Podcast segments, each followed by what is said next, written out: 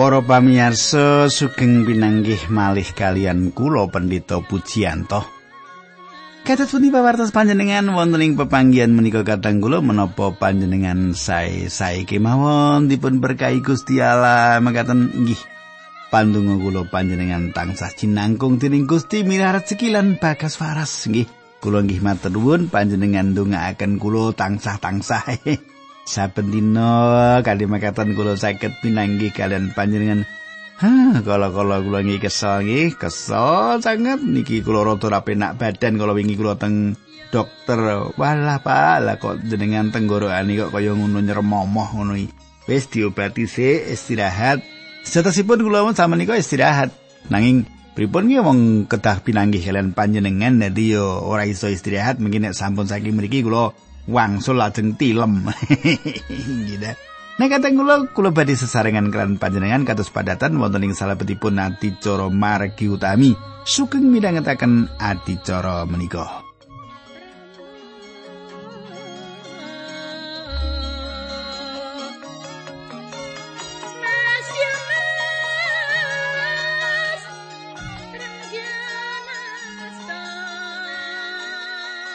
Para pamirsa ingkang kula tresnani wonten ing pepanggihan kepengker, kita sampun nyemak bilih gesang Kristen dumados awit Sang Kristus nindakaken gesangipun wonten ing salebetipun kita.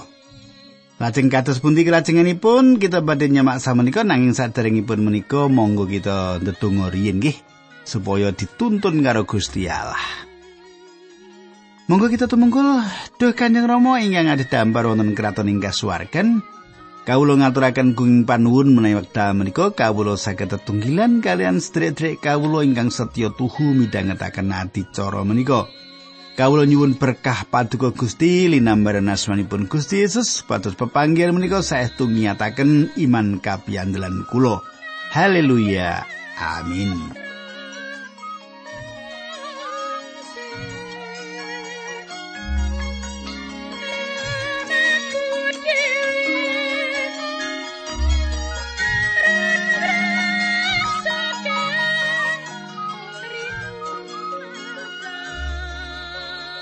Para pamirsa samenika pasinan kita sampun mlebet ing serat rom pitu kawiwitan ayat pitu nggih. Samenika pasinan kita sampun mlebet ing serat rom pitu kawiwitan ayat pitu. Kula waos dumugi ayat 8. Yen mengkono kita arep muni kepriye? Apa torat dhewe kuwi dosa ora? Nanging torat kuwi sing marakake aku ngerti apa sing diarani dosa mau. Yen ora ana angger-anggering Torat sing muni kowe aja milik, aku ora ngerti apa sing diarani milik. Dosa banjur oleh dalan nuwuhake nepsu rupa-rupa ana ing atiku lantaran angger-anggering Torat sebab tanpa angger-anggering Torat dosa kuwi mati. Para pamirsa, kula badhe nyukani keterangan tegesipun sekedhik supados langkung cetha. Menawa mengkono apa kang kudu kita kandhakake. Apa angger-angger turat iku dosa aja nganti pisan-pisan duwe pikiran kang kaya mengkono kosok baline. Kudune aku ora wanuh dosa nanging lumantar angger-angger turat aku wanuh dosa iku. Sebab aku ora ngerti kepiye carane bisa nampa sawijining perkara kang ndak domo-domo. Panjenenganipun Paulus miwiti menapa ingkang dados alasanipun wangsul ing Rom 6 kanthi nglairaken makaten. Menapa pengkono apa kang kudu ndak kandhake apa kita bisa terus gawe dosa? Samenika Paulus sanjang malih. Menawa mengkono apa kang kudu kita kandhake apa angger-angger Torat kuwi dosa? Ing perangan ingkang kawitan pasal menika Paulus ketingalipun gadah kekajengan meratelaken bilih angger-angger Torat lan dosa menika satunggal. Menawi uwal saking dosa ateges uwal saking angger-angger Torat menapa kekalipun boten sami? Paulus nyetakaken perkawis menika mesti ora? Paulus samenika badhe nedahaken bilih angger-angger Torat menika sae. Angger-angger Torat menika meratelaken kersanipun Gusti Allah. Kangilan boten wonten ing angger-angger Torat kangilanipun wonten ing kita. Badan ingkang pantes dipun lepataken.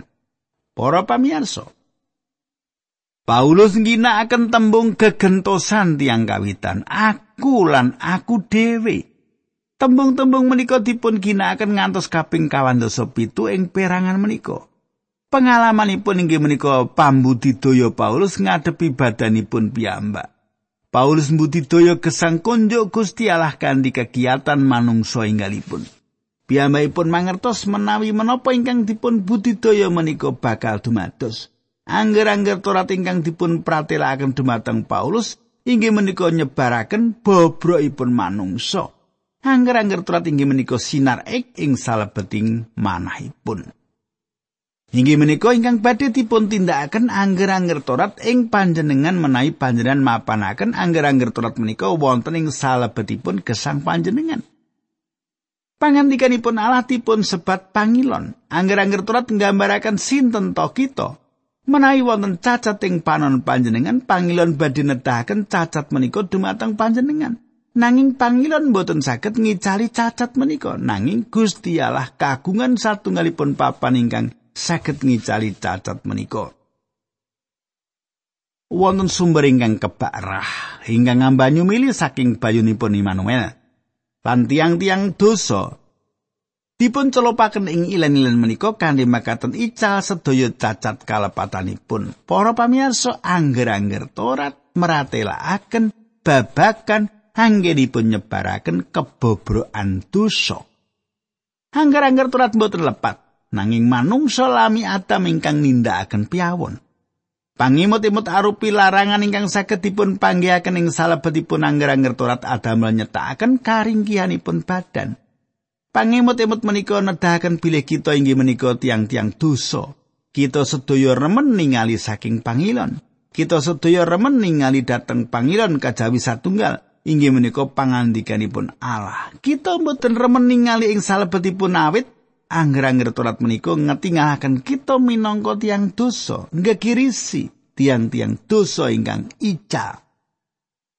Kadang kula ingkang kula tresnani kula lajengaken ayat 9 ngantos dosa Rom bab 7 menika nggih. Makaten surasipun.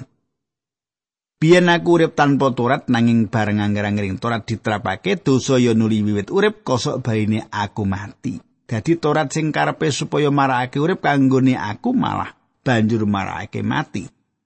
Para pamirsa, angger-angger Torat inggih menika peladusan paukuman. Angger-angger Torat mboten saged tumindak menapa-menapa kajawi ngukum kita. Inggih menika lelampahan ingkang dipun lampahi tiang ingkang budidaya gesang manut angger-angger Torat. Angger-angger menika mboten nuntun dumateng kesang. Panjileres Gusti Allah ngendika, "Sakai pepakon sing ndak dawuhake marang kowe iki lakonana temenan supaya mantep uripmu." Pangandaring turat 8 ayat 1. Nanging kangilanipun wonten ing anggenipun nindakaken. Kalepatanipun mboten wonten ing pepakenipun Torat nanging wonten ing tiang ingkang gadah pikiran angger-angger Torat badhe nyukani gesang lan pangwaos ingkang dumados inggih menika kosok wangsulipun. Menika namung meratelaken karingkian, anggenipun boten saged lan dosa umat manungsa. Menawi wonten angger-angger ingkang saged nyukani kesang, Gusti Allah sampun tentu badhe maringaken. Cobi panjenengan semak Galatia 3 ayat 21. Nanging kesang lan panggesangan Kristen asalipun boten saking angger-anggering Torat.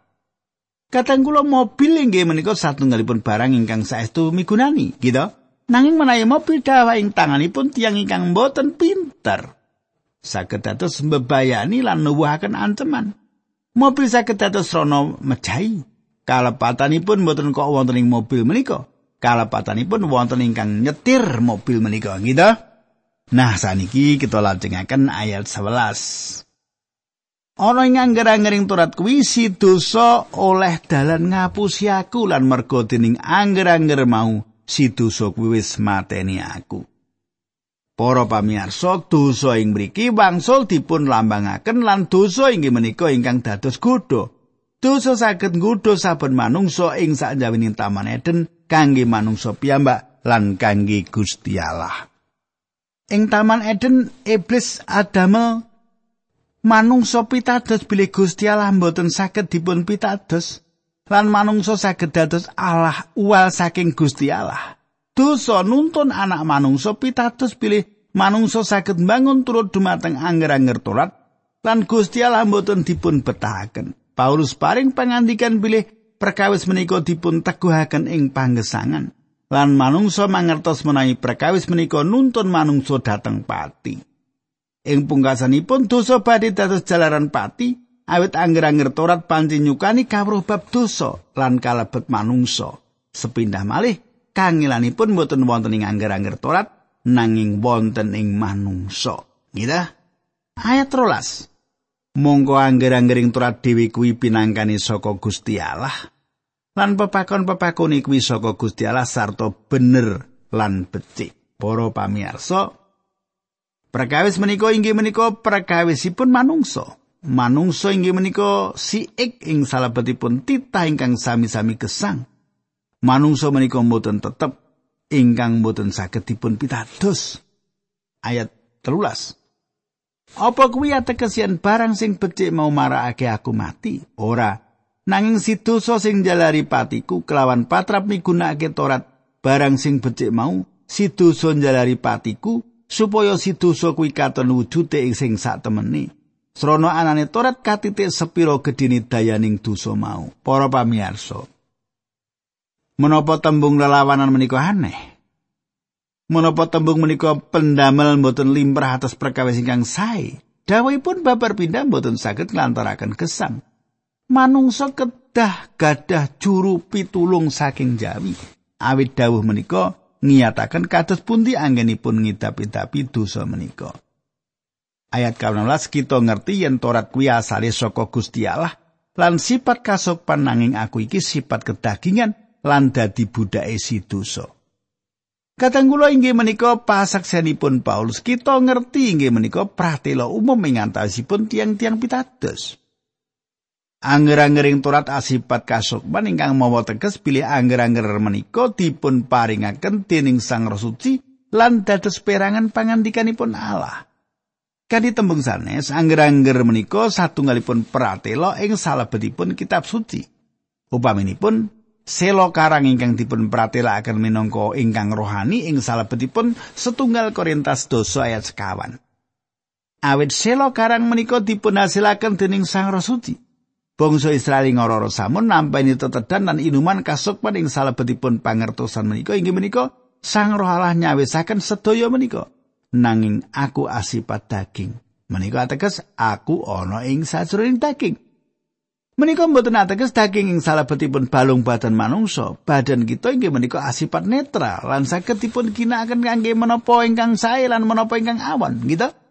Sifat kedagingan ngarah dumateng pikiran lan roh lan sifat manungsa lami ingkang mangke lan ginakaken daging kanthi makaten sejatosipun daging menika piyambak sampun karegetan dening dosa. Daging gadah kekajengan nindakaken samukawis ingkang awon lan raga menika nanggapi.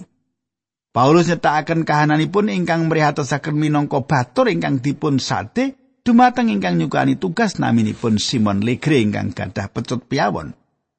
Ayat kang sawas, aku dhewe ora ngerti apa sing ndak lakoni, aku ora nglakoni apa sing ndak pengini, malah aku nglakoni apa sing ndak sengiti. Para pamirsa ing mriki kita ningali lelawananipun kali sifat-sifat lami kalian sifat ingkang inggal. Ing salebetipun perangan menika wonten kalih aku.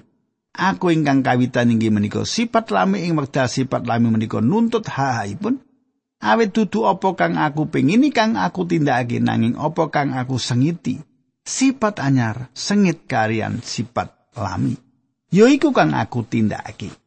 Sifat lami nindakaken pendamel makatan kemawon menapa panjenengan gadah pengalaman peperangan makaten menika ing salebetipun gesang kekristenan panjenengan. Menapa panjenengan nindakaken satunggalipun perkawis salajengipun sengit dumateng badan piyambak awet sampun nindakaken perkawis makaten menika perkawis awon. Menapa panjenengan sambat dumateng Gusti Allah, "Duh Gusti Allah kula sampun nyupekaken paduka." Manut kula saben putranipun Gusti gadah pengalaman makaten menika. Paulus meratelaken pengalamanipun piyambak ing salebetipun perangan menika. Ketingalipun wonten tigang mangsa ing salebeting gesangipun. Mangsa ingkang kawitan Paulus menika tiang Farisi ingkang angkuh kabawah angger-angger Musa ingkang ngapusi badan piyambak kanthi misungsungaken korban-korban lan nindakaken perkawis sanesipun ingkang manut angger-angger kala wau dados jalanan piyambakipun leres sing ngarsanipun Gusti Allah. Nanging angger-angger turat ngukum piyambakipun sadangunipun menika. Salajengipun mangsa ingkang kaping kalih dipun wiwiti ing wekdal Paulus kepanggih kalian Sang Kristus ing margi tumuju dhateng Damsik. Nem-neman Farisi ingkang angkuh menika mertobat dumateng Sang Kristus minangka juru wilujengipun. Nanging piyambakipun tasih rumaos saged nindakaken cara gesang Kristen. Sipat tinggalipun sanjang saiki aku arep urip kunjuk Gusti Allah. Nanging piyambakipun gagalan wonten ing salebetipun lelatan pambudidaya lan gagal ing saben wekdal. Kula mboten mangertos sepinten dangunipun perkawis menika dumados. Mongso ingkang kaping 3 inggih menika mongso kamimpangan. Nanging Paulus piyambak sanes tiyang ingkang menangaken, ingkang menangaken inggih menika Sang Kristus. Paulus sinau pilih menika namung perkais kepasrahan, misungsungaken badan lan nyukani wewengan Sang Roh Suci nindakaken gesang Sang Kristus ing salebetipun piyambakipun.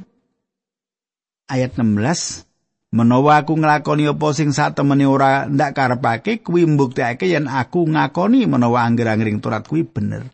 Para pamirsa, ing wekdal sifat lamin rak dawuh. Ing salebetipun conto menika dipun sebat gadai damidaman. Pramila sifat tinggal sarujuk kalian angger-angger pilih ngidam-idamaken ingkang lepat. Paulus mboten lumawan angger-angger turat awit piyambakipun ingkang nerak piyambak. Ayat pitulas bab itu serat rum. Yen mengkono satemene dudu aku sing nglakoni kuwi mau, nanging si dosa sing ana ing aku. Para pamirsa, Kali tembung sanes ora maneh aku, sifat anyar kang nindakake nanging dosa, sifat lawas kang manggon ana ing sadurunge aku. Paulus tasih gadah sifat lami katang kula. Ayat 13. Aku ngakoni yen aku iki manungsa ora kadunungan apa-apa sing becik, senajan aku kepengin nindakake sing becik nanging aku ora bisa nglakoni. Para pamirsa, Paulus sinau kali perkawis ing salebetipun pambudidayanipun lan kekalipun inggih menika perkawis-perkawis ingkang betah dipun sinau dening kita minangka jejeripun tiang-tiang pitados. Ing sadroning aku, sifat lami ingkang sawe kita rembak ora ana kang becik. Menapa panjenengan sampun nyinau perkawis menika? Menapa panjenengan sampun mangertos bilih mboten wonten ingkang sae ing salebetipun panjenengan? Pinten kathahipun ing antawisipun kita minangka tiang Kristen ingkang gadah rarasan ingkang mangertos bilih ing salebetipun daging kita saged adamel perkawis ingkang badhe dados keparengipun Gusti Allah. Kadang kula sedaya ingkang kula tindakaken soro daging dipun sengiti dening Allah. Gusti Allah mboten kersa, Gusti mboten saged nginakaken menapa ingkang wonten ing salebetipun daging mboten wonten ginanipun inggih menika wucalan ingkang aji. Gusti Yesus paring pangandikan. Yohanes 3 ayat 6. Sing lair saka wong tua kita ning donya kuwi badan wadak nanging badan rohani kita lair saka Gusti Allah ing swarga. Kadang kula lan sedangunipun panthi kados makaten nanging setunggal Yohanes 3 ayat 9 nyerat makaten saben wong sing dadi putrane Allah ora tansah ngelakoni dosa. Para pamirsa kados menapa anggenipun ngiram-ngiramaken. Kita keparingan si rahmat sifat tinggal Lan sifat tinggal mboten tumindak dosa. Sifat tinggal mboten tumindak dosa. Menawi kula tumindak dosa, menika ateges sifat lami. Sifat tinggal mboten badhe nindakaken dosa, sifat tinggal tansah sengit dumateng dosa. Paulus mangertos perkawis sanes ingkang ketah kita sinau sebab kekarepan pancen ana ing sadroning aku nanging dudu perkara tumindak apa kang becik. Piyambakipun mangertos mboten wonten ingkang sae ing salebet tipun sifat lamiran boten wonten panguwasa ing salebetipun sifat tinggal. Sifat tinggal gadah kekajengan ngladosi Allah nanging manungsa jasmani memengsahan kalian Gusti Allah. Sifat lami boten bangun turut dumateng angger-angger Allah. Kados makaten kosa bangsalipun semak rum wolu ayat pitu. Nanging sifat tinggal boten gadah panguwas. Para pamiyasa, Kulo kemutan ing wekdal kulo sambat, "Oh, aku bakal urip kunjuk Gusti Allah." Ing wekdal menika kulo kewirangan lan kulo doreng nate nglampahi lelampahan ingkang kados makaten. Kulo pikir kulo saged tindakaken piyambak, nanging kulo mangertos menawi sifat tinggal mboten gadah panguwaos. Sifat tinggal kulo sanjang mesti wae aku kepengin urip kunjuk Gusti Allah. Nanging mboten-mboten panguwaos ing salebetipun sifat tinggal menika. Inggih menika ingkang boten dipun sadari dening tiang pitados kathah wonten kathah tiang ingkang majeng sujud ing ngajeng ing wekdal KKR. Nanging namung dumugi mriku kemawon ingkang dipun tindakaken namung majeng sujud dhateng ngajeng. Tiang-tiang kalau boten wonten kemajenganipun, tiang-tiang kalau perlu mangertos kayektosan menika. Ayat 19 mulane aku orang ngelakoni kabecikan sing ndak karepake mau, malah kosok baine aku ngelakoni perkara-perkara sing ala sing ora ndak karepake. Kadang kula menapa panjenengan sampun nglampahi gadah pengalaman mangkaten menika? Ayat kali dosa, yen aku nglakoni perkara-perkara sing ora ndak karepake kuwi ateges dudu aku dhewe sing nglakoni perkara-perkara mau, nanging si dosa sing ngereh marang awakku. Kadang kula inggih menika sifat lami ingkang anda tengaken perkawis kangge kita. Ayat selikur, srona mengkono aku banjur nemu wewaton mengkini, Semongso aku arep nglakoni sing becik jebul nyatane sing ndak lakoni mung sing ala wae. Para pamirsa, ing wekdal panjenengan budidaya ngladosi Gusti Allah ing salebetipun Sang Roh, menapa panjenengan sampun mangertos bilih sifat lami wonten ing mriku lan sifat lami menika badhe anda tengaken piawon. Saben putranipun Allah wal saking kahananipun kedangaken bilih ing salebetipun pendamelan ing saben-saben piawon menika wonten ing salebeting piyambakipun. Kegagalan mangertosi perkawis menika ing pungkasanipun nuntun dumateng kapal kerem ing salebetipun gesang Kristen. Ayat kali likur ing batin aku ngistokake angger-angger ing Gusti Allah. Batinku inggih menika sifat tinggal. Ayat likur nanging aku ngerti yen ing sajroning badanku uga ana angger-angger liya sing nglawan marang angger-angger mau sing dianut dening budiku angger-angger liya kuwi sing marakake aku direh dening si dosa sing nguasani awakku. Kadang kula panjenengan boten bucal sifat lami ing wedal panjenengan dipun wilujengaken nanging boten wonten panguwas ing salebetipun sifat inggal panjenengan. Aku ndeleng paugeran kang beda inggih menika memengsan sifat lami kalian Gusti Allah. Inggih menika ingkang nyebabaken putra Allah ingkang jujur sambat kados Paulus. Ayat palikur. Wong cilaka temenan aku iki. Sopo sing arep ngluwari aku saka badanku sing marakake aku mati iki? Kadang kula rak manungsa ingkang boten dipun wilujengaken ingkang sambat aku manungsa cilaka. Nanging manungsa ingkang sampun wilujeng tembung cilaka mawa teges raos sayah awit anggenipun budidaya. Sopo kang bakal ngwalake aku? Piyambakipun boten gadah daya, piyambakipun sambat nyuwun pitulungan saking Jawi. Ayat selangkung pinuji Gusti Allah lantaran Gusti Yesus Kristus. Kadang kula inggih menika jawaban atas israt sawetawis saking Paulus, Gusti Allah nyawisaken margi kangge uwa. Nah kadang kula ingkang kula tresnani, kula sikek semanten rumiyin. Kita lajengaken ing sana sebdal. Kula badhe ngaturaken salam riyin nggih saderengipun kula mungkasi nggih. Matur nuwun serat Agung Tasimin Ur. Ngira Pak Agung Tasimin Ur. Kados pundi Pak? Kabaripun saya saya to? Nggih. Tanuki Bapak Abraham Budi Santoso. Nggih. Nah, kata kula monggo kita tumungkul kita tetunggu sarangan. Dukan Rama ing swarga kawula ngaturaken gunging panuwun wekdal menika kawula saged tetunggilan kalian sedherek kawula ingkang setya tuhu midhangetaken adicara menika. Abdi Paduka sampun ngaturaken perkawis-perkawis sing penting ing gesang menika. Mugi-mugi saged dados modal sangu kangge gesang ngadepi cobaling gesang wonten ing alam donya menika. Dinambaran asmanipun Gusti Yesus Kristus kawula netunggal haleluya.